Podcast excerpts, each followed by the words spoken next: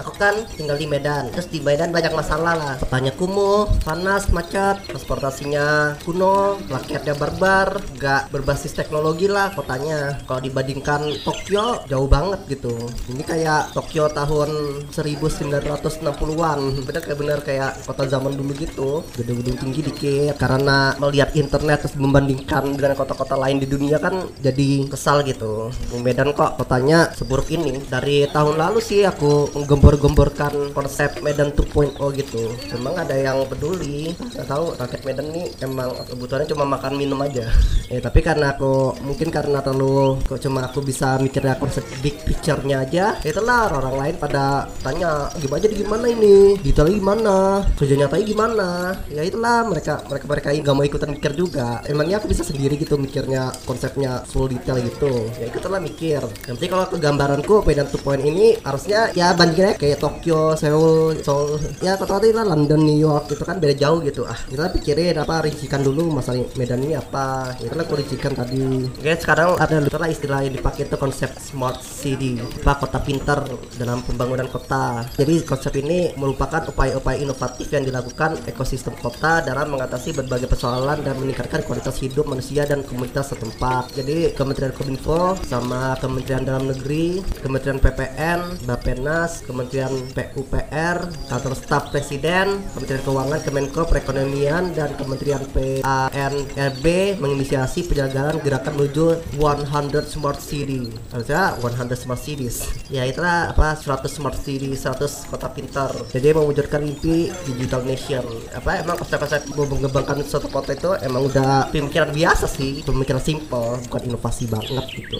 Kok yang lain pada nggak peduli gitu kan. Pas aku menggombar-gombarkan ini apa ikutan mikir gitu kan ikutan apa masa nggak peduli gitu. jadi untuk pembangunan kota pintar dibutuhkan enam pilar. Pilar pertama smart environment. Itu menyiapkan kawasan wisata prioritas menjadi kawasan yang bersih bebas sampah dan tertib tanpa meninggalkan unsur tradisionalnya. Kayak rapi-rapi gitu kayak Tokyo kayak Singapura kayak apa lain-lain. Terus smart economy. Memastikan implementasi teknologi informasi komputer dalam proses transaksi berlangsung di kawasan wisata prioritas dan pemerintahan daerah sekitarnya. Smart branding mewujudkan peningkatan kunjungan wisata. Maksudnya kalau kota itu kan bagus itu jadi pusat wisata tersendiri juga kayak Roma kayak Paris kalau Medan bagus gitu ya datang-datang turis-turis itu. Nggak mesti alam gitu kan. Ke Tokyo Seoul gitu kan juga salah satu bagian wisata gitu karena kotanya bagus. Terus selanjutnya smart government. Memastikan pemerintahan daerah pada kawasan menerapkan sistem pemerintahan berbasis elektronik SPBE secara berkualitas dalam upaya pelayanan publik yang baik. Ya kayak pelayanan pemerintahan gitu kan dulu pakai manual-manual gitu datang ke kantornya apa ngurus ini ngurus itu surat-surat ini yang seperti elektronik terus smart society memastikan masyarakat kota memiliki kapasitas unggul dan mampu menjadi tuan rumah yang baik. Setelah masyarakatnya ini diedukasi gitu biar nggak barbar itu juga punya skill-skill yang bagus gitu biar pekerjaannya nggak itu, itu terus. Berbisnis pun nggak itu terus juga. Ya kalau bisa kan kalau mereka mereka ini buat bisnis jangan kuliner doang gitu langsung ke teknologi gitu. Ya karena banyak pendatang itu mungkin skillnya masih kurang gitu. Bisanya masak doang. Kayaknya pada bisnisnya kuliner. Tapi kan ini bukan, bukan keluhan atau ini kan tapi ini rumusan masalah. Jadi sama-sama kita cari solusinya gitu. Ya ini kan kalau aku bilang sih eh, orang-orang Medan ini apa doyan nongkrong gitu kan. Misalnya gojek-gojek apa nongkrong ke warkop yang apa anak-anak muda juga nongkrong-nongkrong jarang lah mungkin orang itu nongkrongnya di perpus gitu. Biasanya ke kafe warkop gitu kan. Itulah emang literasi orang Indonesia kan emang dikit gitu kan. Nggak suka baca.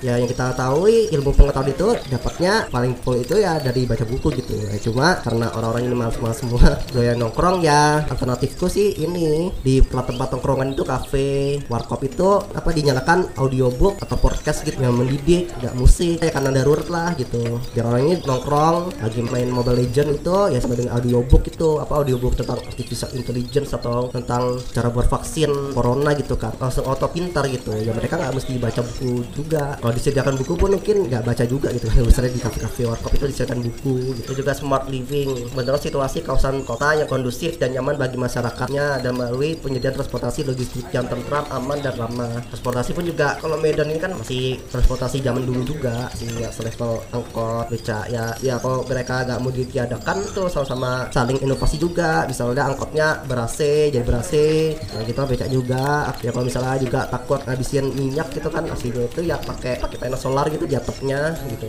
biar cahaya materinya jadi nyerap jadi bahan bakarnya gitu kan. Ya, tantangannya sih apa? Untuk menciptakan smart city ini kota pintar ini apa? Pemerintahan daerah terjebak rutinitas nggak ada APBD nggak ada smart city itu anggap, anggap smart city sama dengan proyek TIK bukan sebagai perubahan budaya kerja. Jadi masih dianggap proyek kayak gitu. Kapasitas SDM teknis rendah. Itulah ini di Indonesia kurang apa lah kurang teknis teknologi gitu. Itu juga belum meratanya infrastruktur teknologi informasi komputer dan kurangnya komitmen pemimpin daerah. Kan butuh dana anggaran juga sih infrastrukturnya kan seringnya pusatnya ke ibu kota doang di daerah-daerah lain. Mungkin Jakarta dulu ya mesti smart city dulu baru yang lain juga. Tapi smart city pun juga nggak cukup. Kalau bagi visi Meda 2.0 tuh harusnya eco city juga. Kota eco city itu eco green city. Eco city itu atau green city itu apa? Kota hijau gitu. Apa ya common sense itu semakin tanaman itu membuat suatu hal itu jadi indah gitu. Misalnya kalian ke puncak atau ke Dastagi gitu. Coba lihat gunung pemandangan itu nggak ada pohon gitu. Gesang-gesang gitu. Pasti nggak enak gitu jadi ya apa juga? Ya kayak semua tahu fotosintesis tanaman itu pohon itu kan membuat CO2 jadi oksigen gitu kan biar adem gitu. Lagi di kota-kota ini banyak polusi gitu kan. Ya itu kan polusi kendaraan apalagi di Medan Indonesia ini kendaraannya pribadi banyak macet-macetan kendaraan transportasi tidak seadanya makanya pada banyak pakai kendaraan pribadi macetan terus polusinya pasti banyak itu. Oh benar-benar neraka neraka dunia. Karena emang Indonesia ini neraka dunia. Ya itu sini ya banyakin lah tanaman itu ah pohon gitu di setiap sudut gitu. Apalagi di Indonesia ini kan apa daerah tropis gitu kan. Suhunya 30-an derajat lah rata-rata setiap harinya. Tapi kan keunggulan itu kan bisa nanam subur untuk nanam tanaman. Itulah harusnya digunakan gitu. Indonesia panas cuma bisa nanam tanaman untuk mengurangi panasnya itu ya ditanam gitu. Ya kalau di gedung-gedung ini ada juga apa? Vertical forest sejang aja gitu. Jadi di bangunan itu bisa ditanamin tanaman gitu. Satu bangunan gedung itu ditanamin tanaman. Jadi nggak perlu lahan luas gitu lah untuk menanam tanaman. Bisa di bangunan itu sendiri tuh menanam tanaman. Cuma searching aja lah. Jadi smart city pun juga kurang gitu untuk membuat suatu kota menjadi nyaman terus harus city juga. Ini smart city-nya juga mesti pakai AI lah artificial intelligence untuk membuat sistem yang lebih baik. Ku jabarkan yang awal-awal keluhanku itu kan. Solusinya mungkin ini city smart city dari keluhan panasnya keluhan macetnya keluhan teknologi masih kuno gitu. Yang masyarakat ini yang aku bilang tadi apa mesti dididik gitu. Karena banyak pendatang gitu lah urbanisasi gitu. Ya emang mereka kan pingin sebelah dari desa ke kota. Yang sebagai orang kota awal-awal ini penduduk kota aslinya itu mesti kerjasama juga untuk yang pendatang ini diberikan edukasi gitu biar datang bisa lakukan pekerjaan yang lebih baik gitu. Karena rata-rata cuma apa datang jadi tukang parkir atau jadi pengemis gitu kan. Atau jadi pemulung karena kurangnya skill gitu kan. Datang-datang belum punya skill. Itulah mesti gimana kayak badan pendidikan gratis gitu. Biar yang pendatang ini lebih ber berpengetahuan. Mungkin kalau misalnya pengetahuan juga bisa sama-sama bangun kota bangun kota ini lebih baik gitu. SDM kan mesti diperbaiki gitu biar berguna. Ya ini juga orang-orang ini uh, peduli ini akan apa kalian nggak mau gitu pengen punya tempat kota kalian itu indah gitu nyaman enak. Ini kalau biasanya setiap minggu kan sepedaan gitu keliling kota. Cuma kok sepedaan di kota Medan ini bukan hilangin depresi mah nambah depresi gitu. Lihat ke amburadulannya itu. Nggak enak gitulah cuaca panas macet-macet polusi kumuh-kumuh. Aduh malah ini juga rata-rata mentoknya mindsetnya itu kalau misalnya kalau kita tinggal di kota yang buruk kita mesti pindah. Kita mesti ke Tokyo mesti ke Seoul mesti ke New York. Karena juga ada alternatif ini kita bisa perbaiki kota kita sendiri gitu kan. Ini saatnya berkampanye gitu kan ya tahu juga ini gak bisa diserahkan pemerintah doang diserahkan ke seluruh masyarakatnya itu. Sama-sama membuat kota ini jadi rapi bersih. Ya semoga lah kita semua ini saling kerjasama gitu. Dari penduduk yang asli sama penduduk pendatang orang kaya menyumbangkan gitu memberikan donasi gitu perbaikan kota ini. Kan juga kekumuhan ini kan disebabkan juga karena kesenjangan sih saya pendatang itu gak punya duit gitu terpaksa gak bisa beli rumah gak bisa bangun rumah terpaksa buat pemukiman seadanya di